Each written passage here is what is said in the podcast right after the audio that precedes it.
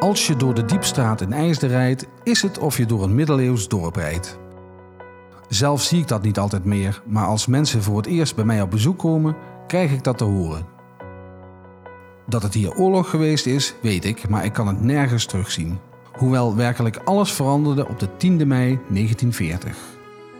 Dus IJzer heeft die eerste uh, zeg maar twee weken hebben zij al uh, hebben ze het behoorlijk voor de kiezer gehad. ik denk misschien wel dat zij de meeste schade hebben opgelopen van welk dorp dan ook in Limburg, tenminste tijdens de Duitse inval in 1940.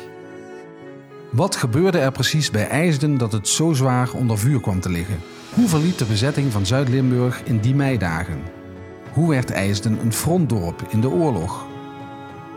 Dit is Liberation Verteld, de luisterverhalenserie ter ere van 75 jaar Liberation in IJsden-Margaten. Dit verhaal begint op 10 mei 1940 in de vroege ochtend, waar de bewoners van IJsden de eerste Duitsers de Maasoevers zagen bereiken. Ik heb niet alles onthouden van wat me op school geleerd is. En in mijn omgeving en familie zijn ook niet alle verhalen bewaard gebleven. Gelukkig is Frans Roeboezer. Die hoorde u net al. Frans is archivaris bij het Regionaal Historisch Centrum Limburg, bestuurslid van de Stichting Adoptiegraven en auteur. Frans is een van de mensen die de verhalen kennen en in leven houden. Samen met hem stap ik 10 mei 1940 in. Een tijd waarin Nederland neutraal was en de bezetting daardoor toch als een verrassing kwam. Zonder een echte oorlogsverklaring uh, vielen uh, in de ochtend van 10 mei rond 4 uur vielen de eerste Duitse troepen Nederland binnen. Voor het gedeelte van Zuid-Limburg waren dat uh, zeven grote divisies uh, waarvan er twee het zuidelijk puntje pakten. Dus IJzermargraten kreeg te maken met zowel de 269e als met de 4e Panzerdivisie. Die 269e die stond al vier uur nadat ze in de uh, Vaalse grens waren overgekomen, stond die al in de Maas en IJzen. Dus die hadden op, op vier uur tijd hadden ze dat hele stuk al uh, veroverd. Tegenstand was eigenlijk kun je geen tegenstand noemen. Zeer zwak bewapend Nederlands uh, leger. Uh, het waren in totaal een paar duizend Nederlandse jongens tegen meer dan 100.000 Duitsers. Eerst met tanks en met vrachtauto's. Later kwam die hele lange kolonnes en dat was ook nog allemaal met paardentractie. Dus zo modern was het leger ook niet, maar de omvang en zeker de bewapening die was veel beter dan die van het Nederlandse leger. De grote overmacht van het Duitse leger was niet te houden. In één klap was neutraal de oorlog doorkomen verdwenen. De invasie begon op 10 mei, maar verliep niet zo snel als Hitler gepland had. De eerste verdedigingslinies van Nederland waren nog niet allemaal op volle sterkte of überhaupt nog niet af. Maar alle linies hebben met alle kracht die er was zich verdedigd. Wij hadden hier de, de Grebbeberg, daar hebben ze zich met hand en tand verdedigd. En uh, er zijn uh, toch wel de nodige slachtoffers gevallen. Ja, en dan dachten ze met de, met de Hollandse waterlinie, om ook nog de Duitsers tegen te kunnen houden. Het bombardement op Rotterdam was voldoende om alle wilskracht te breken. Toen is het ook op 15 mei was het voorbij. De wilskracht was snel gebroken. Toch gebeurde er iets in het zuidelijkste puntje van de Maaslinie wat zowel de inwoners van IJsden als de Duitsers niet hadden gedacht. Er was alleen nog hier in het zuiden nog één klein dorpje. En dan heb je het een beetje over Asterix en Obelix. Dat nog tegenstand bood. En dat, dat was IJzen. Want wat was er aan de hand? In IJzen moest uh, 269e divisie die moest daar de Maas over. En het kanaal bij Ternaaien om naar e Ebe Eenmaal te trekken. Fort Ebe Eenmaal, het sterkste fort van Europa, was niet in te nemen volgens militaire experts. Alleen hadden ze niet gerekend op eh, Adolf Hitler met zijn eigen plannetje. Die liet daar zeven vliegtuigen op landen met een totaal iets van 70 eh, personen. Die plaatsen bovenop die bunker uh, plaatsen ze zogenaamde holle ladingen op de schietkoepels en op de uitkijkposten. Die holle ladingen die brandden meteen door het hele zware staal en beton heen. En binnen een paar minuten was dat hele fort blind en doof. Ze zagen niks meer en ze konden ook niks meer, niks meer horen. Konden niet meer schieten dus, met andere woorden. Dat oninneembare fort was binnen een aantal minuten gevallen. Dat fort Eben Eenmaal ligt in België en was het meest noordelijke fort van de verdedigingsgordel rond Luik. Het fort was in staat het hele Maasdal ten noorden van Luik te verdedigen. Tenminste, dat dachten de Belgen zelf. De waarheid was dus toch iets anders. Wat ze zeker wel kon, was de nabijgelegen bruggen beschermen. Zo ook die bij Ternaaien en Vizé. Hoe kwamen de Belgen toch zoveel beter voorbereid? Ik denk dat die Belgen wisten dat de, de inval uh, van de Duitsers via IJzer en via Maastricht, dat zij daar de mogelijkheden voor hadden om die, om die te stoppen. Zij hadden daar uh, in 1418 hadden zij een, ook een fortengordel, maar toen bleek dat er, uh, dat er een gat zat in die verdediging. En dat gat dat hebben ze opgevuld door het bouw van Fort Ebe Uh, dus zij dachten door, doordat ze nou die fortengordel naar het noorden hadden gericht... en ze wisten de aanval van Duitsland komt daar vandaan... probeerden ze die, uh, die Duitsers zoveel mogelijk tegen, tegen te houden. In de hoop ook natuurlijk dat je dan de hulp van, van Frankrijk en Engeland krijgt.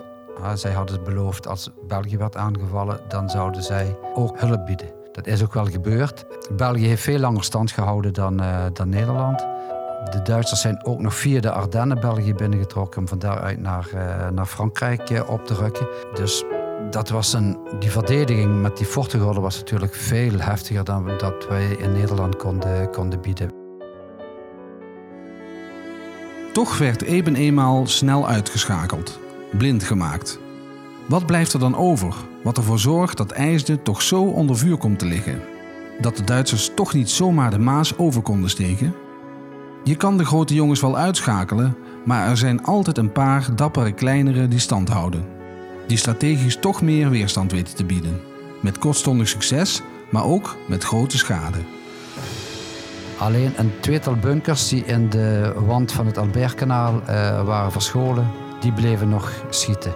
Duitsers die moesten dus een noodbrug maken in IJzer over de Maas en dan over het kanaal Tranaaien richting uh, Fort Ebe-Ema. Want zij moesten die, die paar tientallen Duitsers die daar zaten, die moesten zo snel mogelijk ontzetten. Ja, er moest versterking naartoe.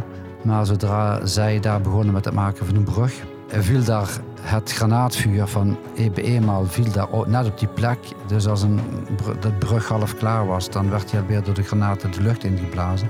Later kwamen er nog twee andere uh, forten bij. Uh, Belgische forten die gingen ook op die oversteekplaats schieten. Dus uh, voor de Duitsers was het onmogelijk om op die 10e mei de, de, een brug te leggen.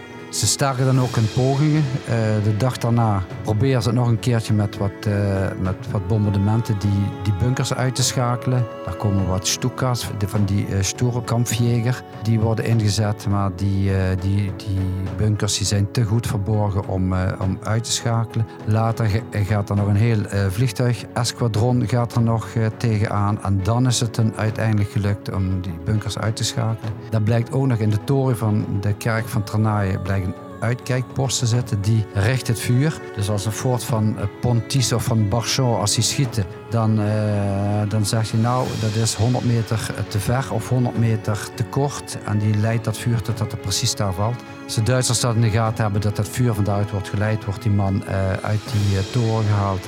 En dan is voor het grootste gedeelte eigenlijk het gevaar voor de Duitsers voorbij. Of schoon die forten nog blijven schieten.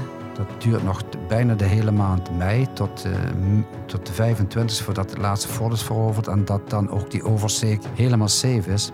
Voor IJzer was het natuurlijk niet zo mooi dat die weerstand er uh, was. Want het betekende dat uh, die drie forten um, ongeveer een 4.500 tot 5.000 granaten op ijs hebben afgeschoten om die overtocht van die Duitsers daar tegen te houden. Een groot deel van het dorp, en vooral daar uh, rond de Maas bij, bij de Vroenhof, langs het bad en zo, die lagen in puin, die, die, die, woningen. Dat kun je je wel voorstellen. Die brug die begon daar aan, aan, aan, dat bad en dat ging daar de Maas over. Dus daar vielen ook de, de meeste granaten. en IJzer was op dat moment eigenlijk een dorp dat helemaal aan, aan het front lag. Ja, die, die, die, die granaten bleven daar neerkomen. Uh, dus voor IJzen is dit eigenlijk um, die, die binnenvallen van de Duitsers, wat voor de meeste dorpen één dag duurde. Toen waren ze er doorheen. Maastricht was op, op, in de ochtend van de tiende al, al uh, bezet. Maar voor IJzen heeft dat tussen de tiende en de elfde geduurd. En die beschietingen bleven nog dagen daarna doorgaan totdat die Belgische forten waren veroverd. Dus IJzer heeft die eerste, uh, zeg maar twee weken hebben zij al uh, hebben ze behoorlijk voor de kiezen gehad. Ik denk misschien wel uh, dat zij de meeste schade hebben opgelopen van welk dorp dan ook in Limburg. Het is bijna niet voor te stellen hoe dat geweest moet zijn. Midden mei 1940. Waar je woont en werkt, waar je familie is, waar je thuis bent, dat het opeens een oorlogsgebied is. Waar er niet genoeg veilige plekken zijn, niet genoeg middelen om jezelf en je gezin te beschermen. Als ik nu door IJsden loop, hoor en zie ik weinig van wat er toen heeft plaatsgevonden. En als ik dit dan hoor, dan kijk ik toch met andere ogen naar de huizen en straten die het zo zwaar te verduren hebben gehad. Je ziet dan ook als de bewoners, die zijn gedwongen geëvacueerd, die, die, die, moesten weg uit hun eigen dorp. Mensen zaten in de kelders, in hun eigen kelders, of zaten in de kelders van het klooster, of zaten in de, in de zinkwit. Of ze, ze vertrokken uit het dorp, gingen naar Mesch, ze gingen naar Valkenburg, ze gingen naar Gulpen, overal waar familie was, daar gingen ze naartoe. En er is een heel mooi verslag in de Limburg Courier die daar iets uh, die, die beschrijft hoe de inwoners van IJzer terugkwamen na twee weken te weg te zijn geweest en die daar dan hun, een groot deel van hun dorp dan toch in, uh, in puin aantreffen. Een dikke twee weken lag IJsden onder vuur. Tot einde mei bleef het echt gevaarlijk en dan trekken de Duitsers verder. Nederland was niet het doelwit, het eindpunt. Zuid-Limburg was de brug naar de rest van Europa. Dat was de missie. De invasie kwam met een knal. De bezetting verliep in de eerste jaren redelijk rustig. Wat ook lastig voor te stellen is in oorlogstijd dat het leven eigenlijk verder gaat zoals daarvoor. Dat zijn gevechtstroepen die trekken, die trekken gewoon door. Je krijgt naderhand krijg je wat, uh, uh, wat bezettingstroepen. Maar in die, in die kleinere dorpen had je, had je dit niet. Dat had je in Maastricht bijvoorbeeld, had je een, een, een soort... Uh, ja, had je natuurlijk die, de SD en je had allemaal van die, van die, van die bekende en beruchte Duitse troepen liggen. Uh, maar dat had je niet in die kleine dorpen. Daar zaten mensen, zeker aan de grens, uh, Duitse douaniers, die zaten daar... Ja, want dat moest ook allemaal gewoon worden gecontroleerd. Maar daar zat niks van, van, van Duitse weermacht of wat dan ook. Ze hadden toen eigenlijk allemaal de Duitsers soldaten nodig om te vechten. En niet om als bezettingsmacht uh, achter te blijven. Zeker de eerste, eerste jaar dat, uh, van de bezetting, dan kun je zeggen dat het leven eigenlijk uh, nauwelijks verschilde van voor de oorlog. De Duitse bezetter had ook de, de opdracht meegekregen van, van Hitler om het Nederlandse broedervolk uh, zeer humaan te behandelen. Want die moest toch worden opgenomen in het uh, grote Germaanse Rijk. En uh, die moesten ehm, rijk worden gemaakt voor de nazi-ideologie. En pas na één jaar kwamen de Duitsers toch achter dat, dat de Nederlanders zich daar niet, niet veel van voelden. Ja, en dan gaat eigenlijk, uh, dan gaat het beginnen, dan komen de verordeningen en dan, dan wordt het, uh, het openbaar leven wordt, uh, ja, wordt een beetje de nek omgedraaid. de, de Joden gaan dan voor de eerste keer krijgen die allerlei verordeningen over zich heen. En dan, dan langzamerhand laten bezetters een ware gezicht zien. Het Nederlandse volk was niet gediend van de Duitse bezetters en hun ideologie. Het is een jaar wat in een soort van vacuüm van oorlog, rust en onrust verkeert. Want wat ogenschijnlijk rustig lijkt, was voor veel mensen inderdaad alleen maar schijn. Er waren natuurlijk een aantal militairen die het heel erg moeilijk hadden met het feit dat ze verslagen waren. Die nederlaag die deed pijn. En dat voelden ze ook. Dus een aantal van die militairen die zat eigenlijk te zinnen op mogelijkheden om de Duitsers de voet dwars te zetten. En die gingen op zoek naar contacten. En dat kon natuurlijk niet zolang ze in Duitsland krijgsgevangen waren, maar Hitler had al vrij snel besloten om de Nederlandse militairen weer naar huis te laten gaan. En dat deed hij al in de zomer van 1940. En kijk, vanaf dat moment zie je een tendens dat een aantal van die militairen die gefrustreerd waren over die nederlaag, die gaan elkaar proberen te, op te zoeken. Die gaan polsen van hoe denk jij daarover? En kunnen we de Duitsers op een of andere manier de voet dwars zetten? En binnen militaire context moet je dan al heel snel denken aan activiteiten als het verzamelen van inlichtingen, het verzamelen van wapens om die eventueel te gaan gebruiken, kleine sabotagehandelingen, dat soort zaken meer. En dat gebeurt niet alleen in Maastricht, dat gebeurt ook in IJsden. En in IJsden, dat heeft ook wel iets te maken met het feit dat IJsden aan de Belgische grens ligt die moet bewaakt worden. En dat gebeurt door douaniers. En nogal wat oud-militairen die kozen er nadat ze terug waren gekomen uit Duitse krijgsgevangenschap voor om in dienst te gaan van de douane. Dit is Fred Kammaert van Historyworks. Hij is historicus, publicist en gespecialiseerd in de bezetting. of beter het verzet in de beginjaren van de oorlog. Waar IJsden dus een bijzondere rol in speelde. Midden in Europa liggen is prachtig, maar het zorgt ook voor bijzondere situaties. In oorlogstijd. En dan krijg, krijg je eigenlijk het verschijnsel, en dat begint zich al vrij snel voor te doen, dat er allerlei vluchtelingen gaan verschijnen in die grensplaatsen. Op zoek naar mogelijkheden om in neutraal gebied terecht te komen. Maar niet alleen dat soort vluchtelingen, je ziet ook dat er krijgsgevangenen zijn. Want de Nederlandse militairen waren dan weliswaar ontslagen uit de Duitse krijgsgevangenschap. Dat geldt voor de Vlamingen en voor de Nederlanders. Maar voor de Walen en de Fransen gold dat niet. Die bleven gedetineerd in Duitsland. En die zaten in interneringskampen en moesten gaan werken bij boeren. En zoals bekend is in het boerenbedrijf in de winter, dan vallen de werkzaamheden vaak stil. En wat deden die Duitse boeren?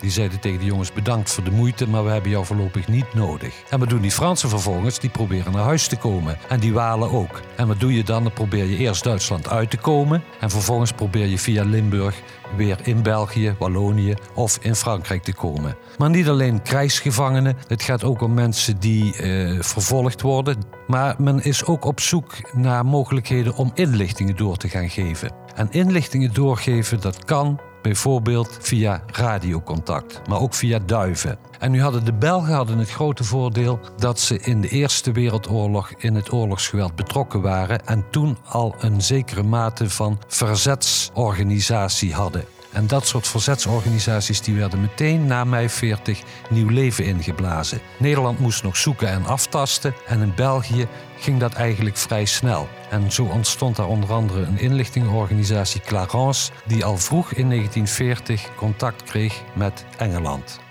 En dankzij de contacten die ontstonden via die vluchtelingenhulp aan de grens, kregen ze ook contacten met dit soort organisaties in België. Een van de belangrijkste mensen daar in IJsden was graaf de Liedekerke. Die beschikte al over contacten in België, maar beschikte natuurlijk ook over contacten in het eigen dorp. En bovendien ook met militairen in Maastricht. Dus er was eigenlijk al heel snel sprake van een landelijk netwerk wat via IJsden en omgeving de grens overstak in de richting van België, Frankrijk en Zwitserland. Frans Roebroeks sprak al over de weerstand bij de Nederlanders en de harde aanpak van Hitler. Deze aanpak duldt geen tegenspraak en weerstand. Wat het verzetsverhaal van inlichtingendienst Clarence kort en heftig maakt. De Duitsers erg fel gebrand waren op dit soort activiteiten. Ze wilden dat oprollen. En ze hebben al in een vrij vroeg stadium zijn ze erin geslaagd om die organisatie rond die hulpverleners in IJsden en in België te infiltreren met verraders. Mensen die zich dus voordeden als nou, goede hulpkrachten. Of als, als oud-militair, want ook onder oud-militairen zaten ook foute figuren, dat kun je je voorstellen. Maar ze hebben het ook geprobeerd om er krijgsgevangenen op die lijnen te zetten. Maar in het geval van IJsden zijn het vooral infiltranten vanuit het westen van het land geweest die doordrongen tot in IJsden. Ja, men vertrouwde elkaar misschien net iets te gemakkelijk, maar het was ook een, een, een, een fase van trial and error. Alleen de error was fataal meteen. Ja, en in 1942 wordt die. Het was een goedlopende organisatie, een hele actieve organisatie. Maar dat betekent niet dat IJsden voor de rest van de Tweede Wereldoorlog heeft afgedaan als doorlaatplaats of doorgangspost naar het buitenland. Andere douaniers hebben het overgenomen, andere inwoners van IJsden zijn weer hulp gaan verlenen. Maar het ging alleen niet meer onder dezelfde vlag, zal ik maar zeggen. Wat begon op de ochtend van 10 mei 1940 heeft me naar 1942 gebracht. Van leven in vrijheid naar leven in de oorlog, leven in het verzet. Wat zou het mooi zijn als dat oorlogsleven voor velen 75 jaar geleden was gebleven.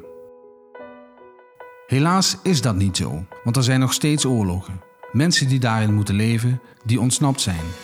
Hebben die dezelfde mogelijkheden als de vluchtelingen die wij toen in 1941 opvingen? Wat heeft het verzet van toen ons geleerd? Dit is het begin van de luisterverhalen-serie Liberation Verteld. Volg mijn verhalen door de geschiedenis van 75 jaar bevrijding via www.75jaarliberation.nl. De afleveringen zijn ook te beluisteren via Spotify of Apple Music. Ik ben Roel Imveld.